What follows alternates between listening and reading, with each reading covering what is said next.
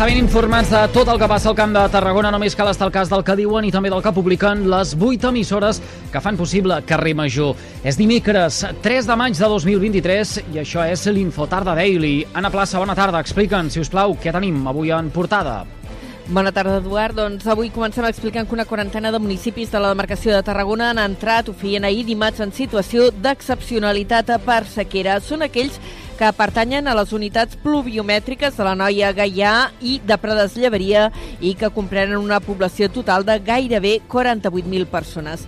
N'hi ha 5 del Tarragonès, 11 del Baix Camp, 11 de la Conca i 10 més de l'Alt Camp. Entre els municipis afectats hi ha, per exemple, l'Espluga de Francolí, Santa Coloma de Caral, la Riera de Caià i Salomó.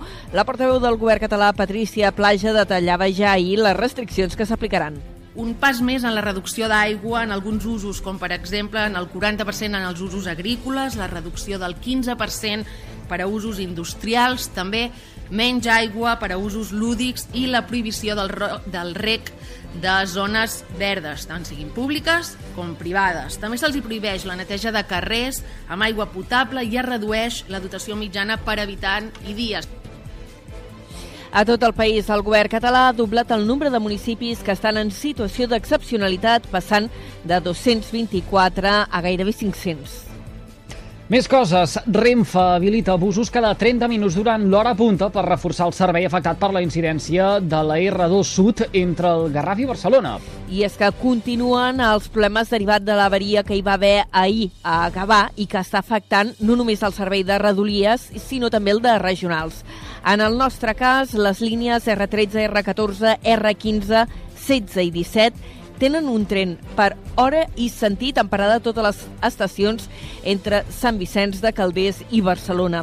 D'altra banda, Renfe informa que manté tres serveis intercity per sentit entre Catalunya i València que poden també patir retards puntuals al circular en el tram afectat. El secretari general d'Infraestructures eh, del Ministeri de Transports, Javier Flores, explicava ahir a la tarda que la incidència és de les pitjors que es pot arribar a tenir i que trigaran dies en resoldre-la recuperar una normalitat que sabem que no pot ser immediat, però que progressivament intentarem recuperar. S'han de destinat, i jo crec que aquí també s'ha de reconèixer, els recursos humans eh, i tècnics perquè aquesta greu incidència de les... i a partir d'aquí anar evolucionant per recuperar, esperem que en tres setmanes 3-4 setmanes, si pot ser menys, menys, poder recuperar la normalitat. Intentarem que sigui de forma progressiva. La caiguda d'un llamp és la principal hipòtesi d'aquesta avaria que es va produir en el sistema de senyalització a Gavà i que ha provocat un autèntic daltabaix al servei de rodalies i de regionals. Carrer Major, la proximitat del Camp de Tarragona. Els serveis territorials de justícia ja s'han traslladat a l'antiga presó de Tarragona. És allí on des d'ara ja es poden fer tràmits, com per exemple el registre d'associacions, el de parelles de fet o els tràmits per ser beneficiari de la justícia gratuïta. Amb aquest eh, trasllat, el Departament de Justícia calcula que s'estalviarà 100.000 euros en lloguer. Es tracta d'una ubicació provisional que està prevista fins al 2027, que és quan s'haurà acabat, o almenys això diuen, la construcció del nou fòrum de la justícia. Llavors, aquests serveis territorials de justícia es podran traslladar al nou edifici que també allotjarà tots els òrgans judicials del Partit Judicial de Tarragona. Més coses, l'Ajuntament de Tarragona ha adjudicat la instal·lació de 28 càmeres de videovigilància a la part alta.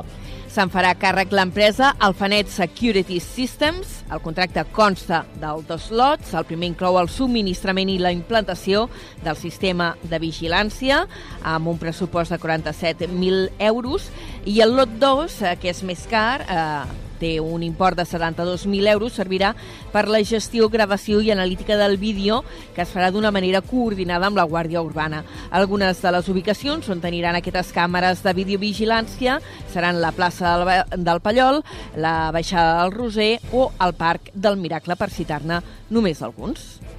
I la crònica de precampanya ve marcada per Junts i ara pacte local que repartiran els drets electorals de l'antiga Convergència.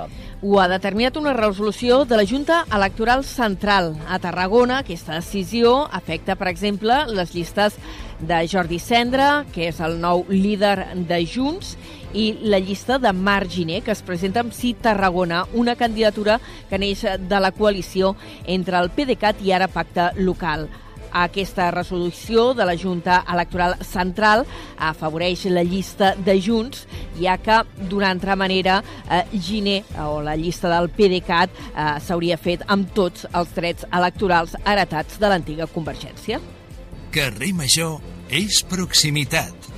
I avui també hem d'explicar que l'oferta gastronòmica de la 26a edició de la Tàrraco Taula s'allargarà durant tot l'any en una desena de restaurants. El certamen arrencarà aquest dijous, demà dia 4 de maig, amb el Convivium, el gran branquet que enguany es traslladarà a l'amfiteatre romà i canviarà de format. De fet, es farà a peu dret. Avui s'ha presentat el detall de tota la programació del Tàrraco a Taula i el president de l'associació, que també és el xef del restaurant El Terrat, en Moja Quac, ha parlat de la voluntat de que això s'acabi extenent més enllà d'aquestes jornades puntuals. Potenciar Tàrraco a Taula i que sigui la imatge, que sigui la marca de la ciutat. Tenim una història eh, espectacular per explicar al visitant que visita la nostra ciutat i durant l'àpat pues, descobrir aquesta gastronomia és una experiència més completa. Jo trobo que és un camí molt xulo i crec molt en aquesta edició del Tàrraco a Taula, aquesta certamen de divulgació gastronòmica de l'antiga Roma i participen en guany una desena de restaurants, a més de diversos cellers, pastisseries i forts de pa del territori. I avui també hem d'explicar que ja tenim protagonistes de la nit dels museus d'enguany. Seran la sostenibilitat i el benestar i es farà el dissabte 13 de maig sota el lema Museu, Sostenibilitat i Benestar. Vuit entitats museístiques de Tarragona Ciutat oferiran durant una nit una visita guiada nocturna per les diferents entitats culturals. Carrer Major, fent camp de Tarragona. Dit tot això, coneguem quin temps ens espera de cara a les properes hores i connectem amb el Servei Meteorològic de la xarxa. Lluís Mi Pérez, bona tarda. Continua aquesta bassa d'oli meteorològica perquè a hores d'ara els núvols són escassos i de fet així continuarem tot el que queda de dimecres.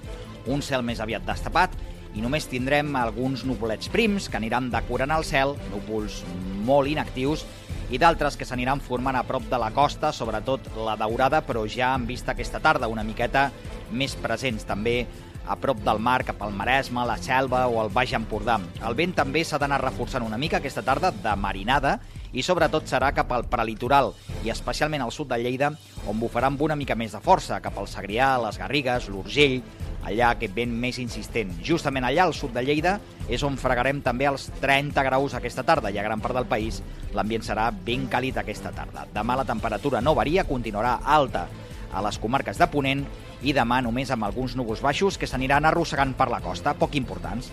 Ho anirem seguint a la xarxa.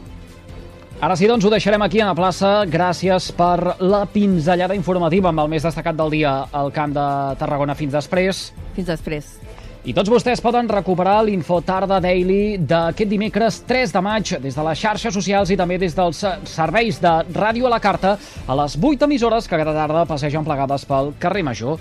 Gràcies per seguir-nos.